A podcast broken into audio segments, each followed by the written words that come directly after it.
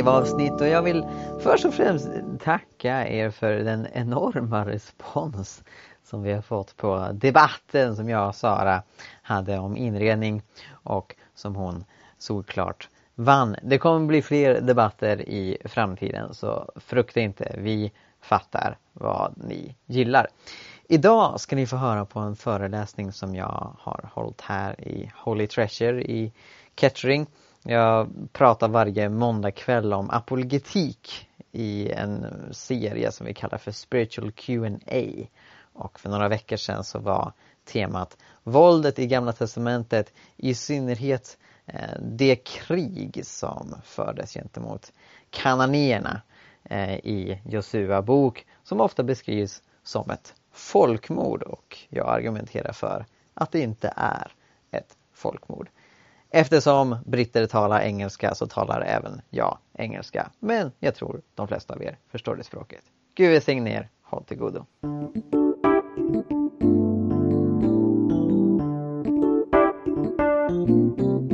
Welcome to the spiritual questions and answers session.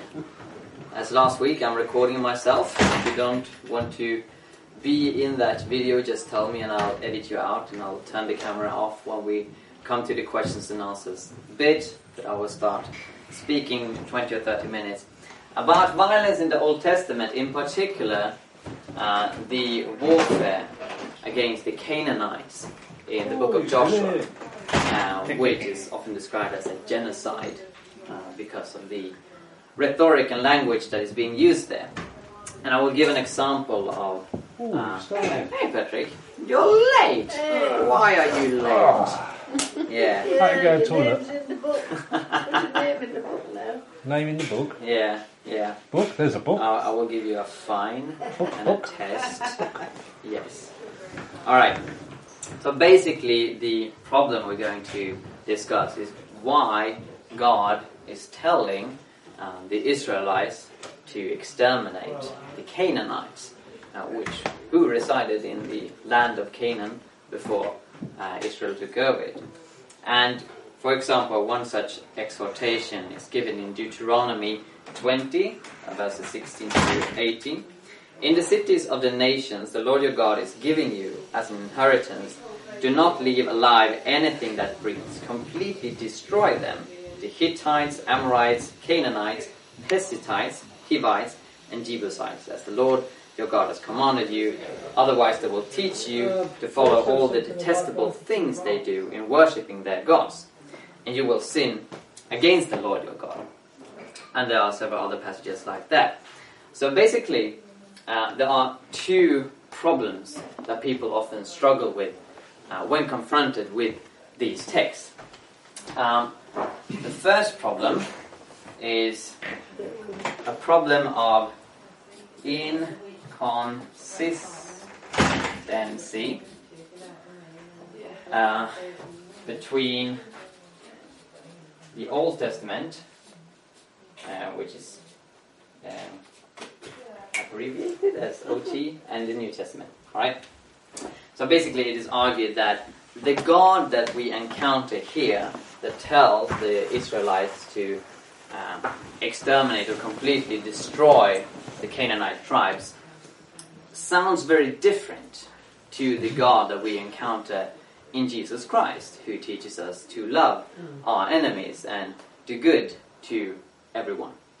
Uh, so this first problem is a problem of whether the Old Testament and New Testament really represents the same God, uh, which the New Testament claims, and, and Jesus uh, is not claiming to be any other God than the God of Israel. Alright, so that's the first problem. Uh, the second problem is basically an issue of worshipability, if there is such a word. If not, I have now You've coined a new it. word there, I think. Thank actually, you. but- Well done. Yeah. Drink and see. Oh yeah. So um, yeah, basically, uh, this problem is whether um, the morals that is presented here, that God wants the Israelite to destroy a people, is really compatible with the idea of a good God. And the idea of God being good is very central to us wanting to worship Him and Him being worthy of worship. Uh, there's obviously a huge problem if it turns out that God is a moral monster or immoral, and then one can question whether, uh, you know, there's such a big difference between God and Satan and all that. If God is not good, then there's much uh, within Christianity that starts crumbling apart. So those are the two problems uh, that I'll discuss in relation to this. And uh, there are many examples of violence in the Old Testament, uh, but as I mentioned, we will focus on this uh, slaughter of the Canaanites as the primary uh, example, and that's often the the example of violence that people have most trouble with.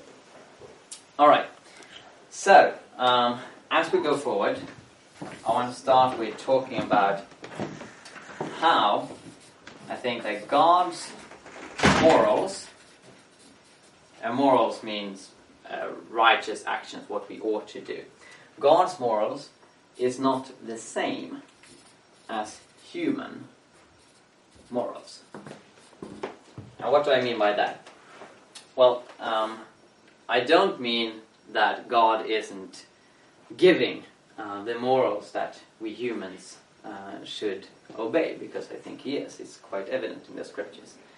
What I am saying is that the same rules and standards that he gives to humans uh, is not necessarily what he himself um, must follow. And I will give you three examples of that. The first example um, is that according to the scripture, God rejoices in our worship of Him. So when we uh, worship, we sing our songs, we glorify Him, we praise Him, and so on. Uh, he rejoices in that. And uh, there's much descriptions in, in the scriptures of this love relationship between God who is worshipped and, and blesses those who worship Him and, and obeys Him. Now, that is not something that is applicable to human beings, even if it's totally okay for God to enjoy being worshipped. It is a disaster if human beings do the same. Uh, so, for example, when uh, Paul and Barnabas are in a Greek city and people start worshipping them and think that they are Zeus and, and Hermes, uh, then they start protesting and say, No, no, no, no, no, you can't do that. And even in, in the book of Revelation, there's an instance when John is so overwhelmed by this prophetic revelation that he receives that he actually starts worshipping uh, the angel uh, which has guided him through the revelation, and, and, and, the angel says, No, don't worship me, worship God. So basically, um, enjoying worship is something which is moral for God. Uh, it is uh, acceptable and, and good for God to do because He is God. He is actually responsible for all of creation. He is responsible for creating us. So there's nothing wrong in God enjoying and rejoicing and, and being glad in us worshiping Him uh, but it is morally wrong for a human being to do the same. Uh, the second example I, I, would like to present is theft, uh, because I think that it's not really applicable to talk about theft uh, when God removes something uh, which belongs to a human being, or rather, which a human being thinks belong to them. Um, so, for example, in the book of Job, it's actually the devil uh, that attacks uh, Job. Is it? It's Job, yeah, not Job. Job. Job. Yeah, La- last week I said Job. People correct me. And I'm yeah. always with you yeah. on it. Yeah, Job. you think it should be Job? Yeah. Yeah. yeah. How's it spelled? I'm, I'm increasingly becoming accurately British.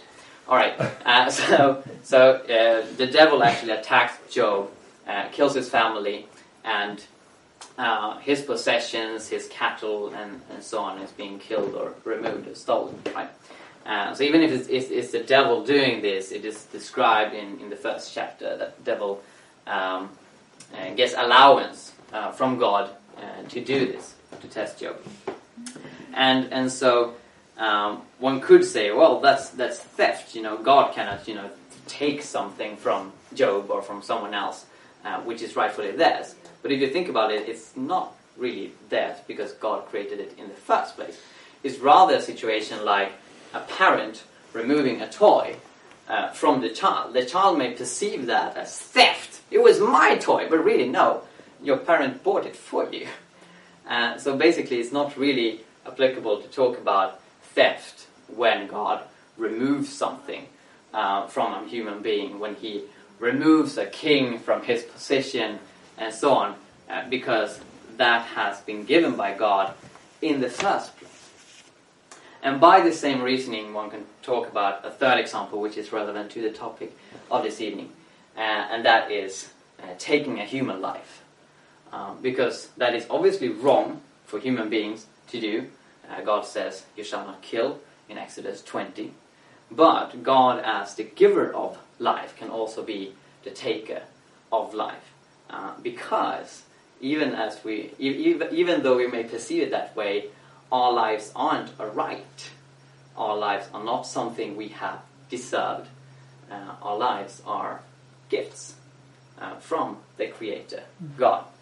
So, since God had created all of the universe, the earth, and our own lives, He actually has a right to take that back. And there's nothing really immoral in doing that. There's nothing immoral if God creates a cactus outside of Neptune and then decides, nah, no, I didn't like that, and then removes it. So basically, God as giver of life can also be the taker of life, and that's really actually what Job says. The Lord gives and the Lord takes. Blessed be the name of the Lord. Death is described in the scripture as um, the consequence of sin. Uh, Genesis tells us that Adam and Eve had access to the tree of life, and the tree of life later occurs in the book of Revelation describing heaven. So basically, the tree of life has fruits that gives eternal life, and the intention of God was to human beings to have eternal life. But as um, they sinned, Adam and Eve sinned, they were removed from the garden, and God says that you will now die. And that's also obviously what happens to uh, all of Adam and Eve's offspring, which includes us. Uh, we all die, and Romans 6.23 uh, says the wages of sin is death. This is evident in um, Exodus and Leviticus and Numbers and Deuteronomy, uh, death being uh, quite constantly a punishment for sin. And it is by dying for us that Jesus takes uh, our punishment and, and he brings us eternal life uh, through that sacrifice. Uh, so, throughout the Bible, uh, death is described as the consequence of punishment of sin, uh, which inevitably uh, is going to affect us all. so, all human beings sin, according to the Bible, and thus all human beings die. Now, there seems to be a mandate that God gives Israel um, to um, to use this punishment um, prematurely, so to speak. So even before people die naturally, if they commit a serious sin, um, there is capital punishment described. Uh, for example, um, uh, for murder. Uh, so if uh, a person kills another human being, they should be put to death, according to Exodus. An eye for an eye and tooth for a tooth. And uh, this capital punishment is given to uh, several crimes. Now, obviously, in the New Testament, Jesus brings forgiveness. Jesus brings life. He says, uh, "You shall not judge." Um, but even uh, in the New Testament, there is judgment. Um, the difference is that it is placed in the future. It is placed in the afterlife, and that judgment is even more severe uh, than stoning or anything that you can come up with. Um, so, when talking about this problem, inconsistency, uh, there's definitely a difference in the Old Testament and New Testament when it comes to whether human beings uh, should work out God's judgment. This is quite a clear line of thinking in the Old Testament that Israel uh, has the mandate uh, to bring out God's judgment here and now. Uh, whereas in the New Testament, when uh, John and his brother James, is it?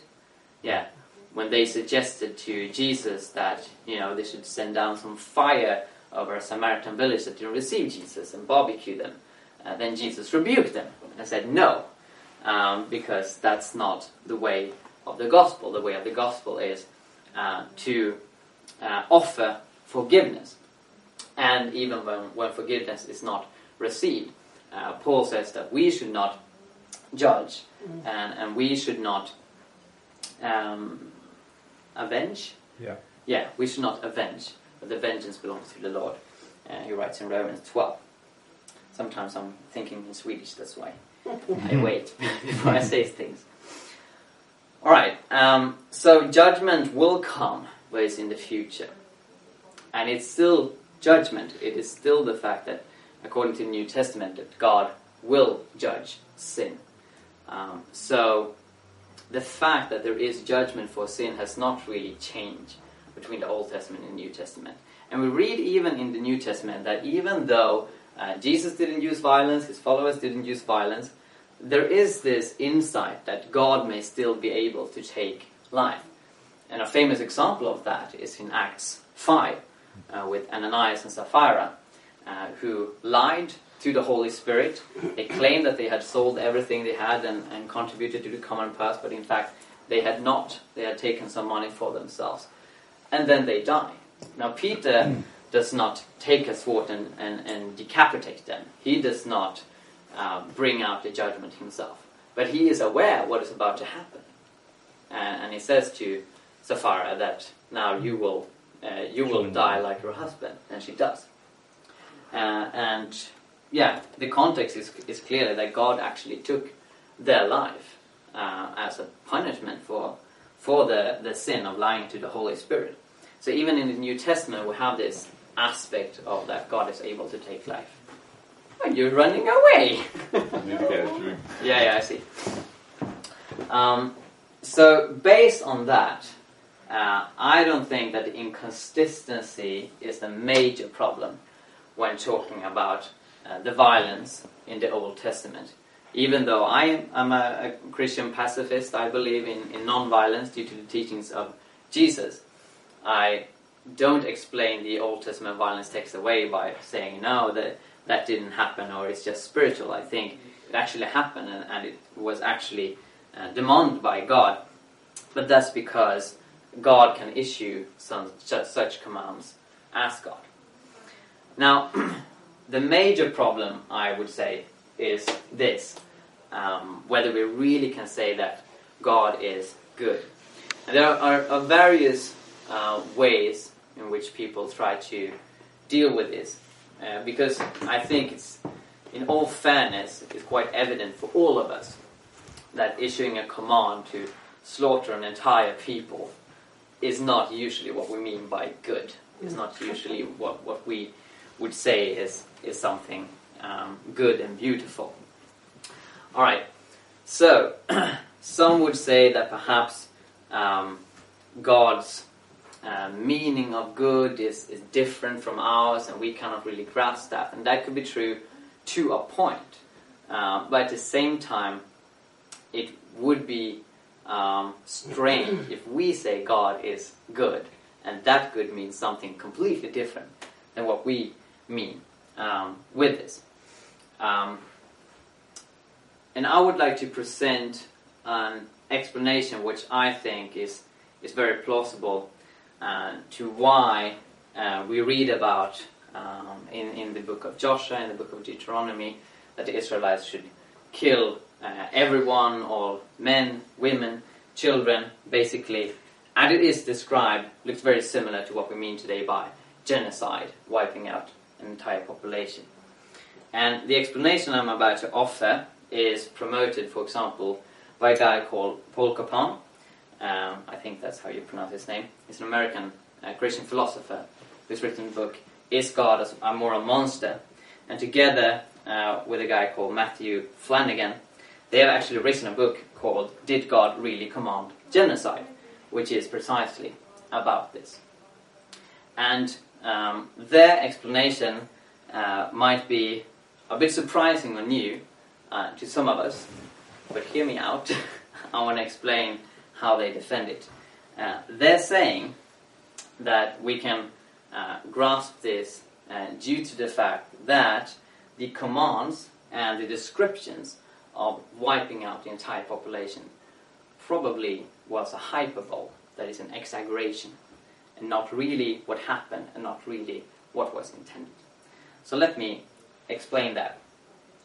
Um, there is biblical support um, for the fact that um, not all Canaanites were exterminated in the land, even though it is also claimed that all Canaanites were exterminated in the land.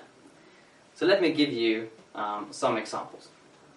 In Joshua chapter 10 and verse 40, we read So Joshua subdued the whole region, including the hill country, the Negev, uh, Negev uh, the western foothills, and the mountains and slopes, uh, together with all their kings. He left no survivors. He totally destroyed all who breathed, just as the Lord, the God of Israel, had commanded. So let me write that up for you. This is the hyperbole theory. So basically, this is a description of how all were killed. So, all killed is, for example, in Josh 10:40 was that. There's also another example. There's actually several examples, but I'll give you one more, and it's from the next chapter, Joshua 11, verses 12 to 15.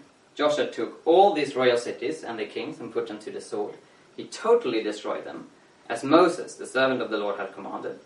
Yet Israel did not burn any of the cities built on the mounts except Hazor, which Joshua burned. The Israelites carried off for themselves all the plunder and livestock of the cities, but all the people they put to the sword, until they completely destroyed them, not sparing anyone that breathed. As the Lord commanded his servant Moses, so Moses commanded Joshua, and Joshua did it. He left nothing undone of all that the Lord commanded Moses. So that's Josh 11, 12 to 15. So basically, the language here is, is quite straightforward. Everyone died. There were no survivors. Everything that the Lord had commanded Joshua through Moses was fulfilled. There were no survivors. Uh, no men, no women, no children. Everyone were killed. But then we have a little bit later descriptions of survivors. That is, Canaanite survivors. Uh, and it's from the same book. so the same author, uh, whether it was Joshua himself or someone else, uh, is describing this. So we have Josh 15 and 63, which I will read to you as well.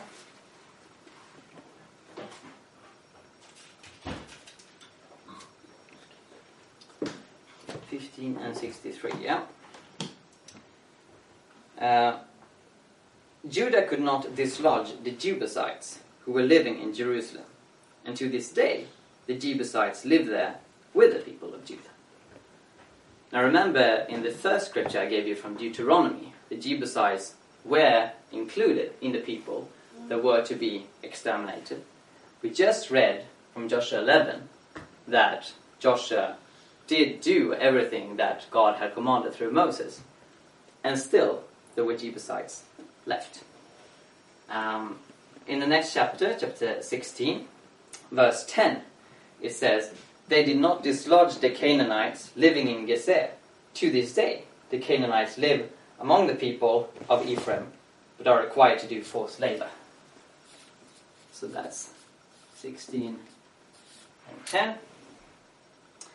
And in the next book, the book of Judges, uh, which describes what happened after uh, Joshua had died, uh, it says in chapter 1, verse 27 But Manasseh did not drive out the people of Bethshan, or Taanach, or Do, or Ibam, or Megiddo, and the surrounding settlements, for the Canaanites were determined to live in that land.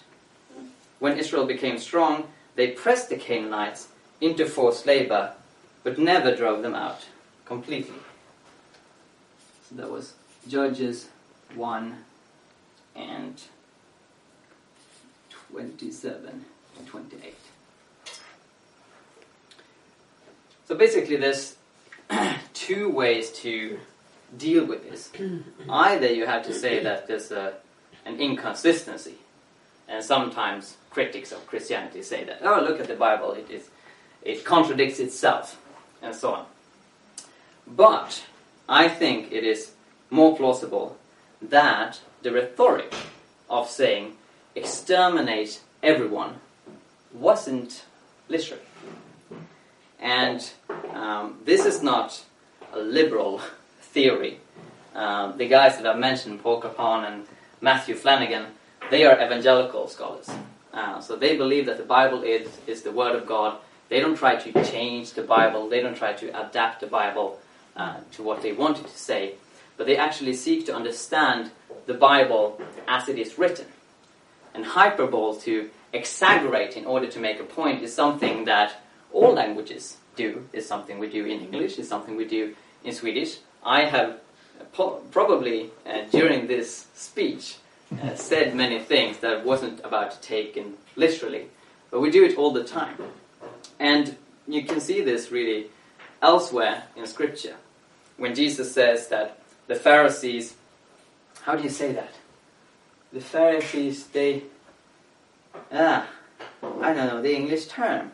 They, they don't, they, they don't eat the mosquitoes. Oh. Uh, Yeah. Straight, strain out a gnat. They, s- they They strain out swa- a gnat, swallow, swallow a camel. but they swallow a camel. Yeah, yeah. strain out a gnat. A gnat, yeah. Not very, mosquito. Very, no, very Yeah. similar thing though. Gnat. Yeah. yeah. So when Jesus says that they swallow a camel, he was not probably meaning it literally that they in one bite, right? But he, he was exaggerating to make a point that sometimes they follow the uh, food laws of the Old Testament and sometimes they, they just ignore it. And it was very common in this time to use hyperbolic language uh, when uh, describing warfare. Similarly to how you today can hear sports commentators saying that Manchester United completely annihilated uh, Arsenal or something like that. They're not meaning it literally, hopefully, uh, but they're using this idiom, this way of expressing yourself. And we can see this, for example, uh, one of the, uh, I think it's, it's the earliest archaeological evidence of the existence of Israel. Uh, it's written on a stone uh, called the uh, stele, uh, which was uh, written by the Egyptians. And there it states, and, and this is from about 1300 BC Janum was made non existent, Israel is laid waste, its seed is not, or is no more. So basically, here's this stone that claims that Israel was totally wiped out uh, 1300 years before Jesus. Now, that's not the case. Israel was not wiped out, so we know that's not accurate, but yet the Egyptians claim so, because that was warfare uh, rhetoric. Uh, the Assyrian king uh, Sennacherib, and this is from a, a blog post by this guy Matthew Flannagan, uh, he writes, The soldiers of Hirim, dangerous enemies, I cut down with a sword, and not one escaped. But, in fact, they did. so, these people, um, the Hirim, uh, continue to live. And I don't think I need to read more examples, but there are many examples from the surrounding ancient world that use this rhetoric. So I think it is quite safe to say when uh, the book of Joshua describes this extermination, uh, it's really a hyperbolic expression of uh, doing warfare and of, of driving the people out of the land. Uh, the motivation given uh, for um, the Israelites driving out the people uh, was mainly the sin of uh, the Canaanite tribes. And we know historically that uh, they had a lot of things that we view as very, very immoral. Uh, so, for example, they had a lot of temple prostitution, they had a, a lot of um, sexual um, worship, and, and they had a lot of, of uh, child sacrifice. Uh, there's evidence that uh, sometimes they could sacrifice a thousand infants in, in one evening, uh, and things like that. Uh, so it was a very sinful people, and, and uh, what God is doing is, is judging um, this people. Um, but uh, the rhetoric of killing everyone and wiping out everyone was probably an exaggeration. Uh, we read elsewhere that when Israel was to do warfare, uh, there was always the chance for the people who were attacked um, to flee instead of, of waging war. Uh, and, and that's probably what happened uh, in Canaan as well. So basically, um, I would not call the campaign. Sorry? Sorry. Yeah. Uh, I would not call the, the war campaign against the Canaanites a genocide uh, based on this, even if it, to our ears, is described as this complete extermination of all people. Uh, we know that it wasn't, because Canaanites survived. Uh, um, and, we, and we read that in the scripture. And based on our other knowledge about how warfare was described in the ancient world, I think this theory is, is very plausible. I also think it's important to note that late in the scripture, a very similar judgment um, is being, um, how do you say it? A judgment is being blah, laid on? Laid. Yeah, Laid on. a judgment being laid on Israel themselves. Uh, when they have sinned, when they have committed uh, all these kinds of atrocities for generations and generations. It should also be noted that in the book of Genesis, um, God actually says that He will wait for the Canaanites for their sin to be complete. That was 400 years before the campaign of Joshua, so He waited 400 years. Um, but the same thing happens to Israel. So they are removed from the land. Um, firstly, the northern kingdom to Assyria, and then in the um, 6th century uh, before Christ, um, the southern kingdom, Judah, is, is taken to Babylon. So they, they lose the land um, because of their sin. And that's also why I would not, as, as some, for example, Richard Dawkins, uh, has described this as, as racism, as God being racist when saying, no, these Canaanites should, should die. Because the same judgment is later laid upon Israel themselves by another kingdom, which certainly was not perfect. The Babylonian Empire was very corrupt. Um, but this is the way that judgment is being described uh, in the Old Testament. is both individual, when an individual has committed a crime, um, then punishment is deserved, but also nationwide is collective thinking, uh, which is quite unusual today. We're very individualistic today. Uh, but this was common in, in the ancient world that a whole nation had sinned and a whole nation um, suffers from judgment. So that's basically um, an approach that I think, to a large extent, helps us understand what's going on. Now, uh, yes, we'll take the questions soon. Um, I should just note that this helps us get away from the description of uh, the war campaign in Joshua as a genocide. It does not state that the war campaign isn't a war, because it certainly is. And, and uh, you can't argue that uh, war as a whole is a hyperbole uh, in the Old Testament, because certainly the Israelites waged war. Um, but um, due to the use of, of this um, exaggerated rhetoric uh, in ancient times, I think it's safe to say that this is not a genocide. Uh, it's, it's a warfare which is um, due to the sin of the people uh, in a similar fashion that Israel themselves later are, are judged later. Alright, questions?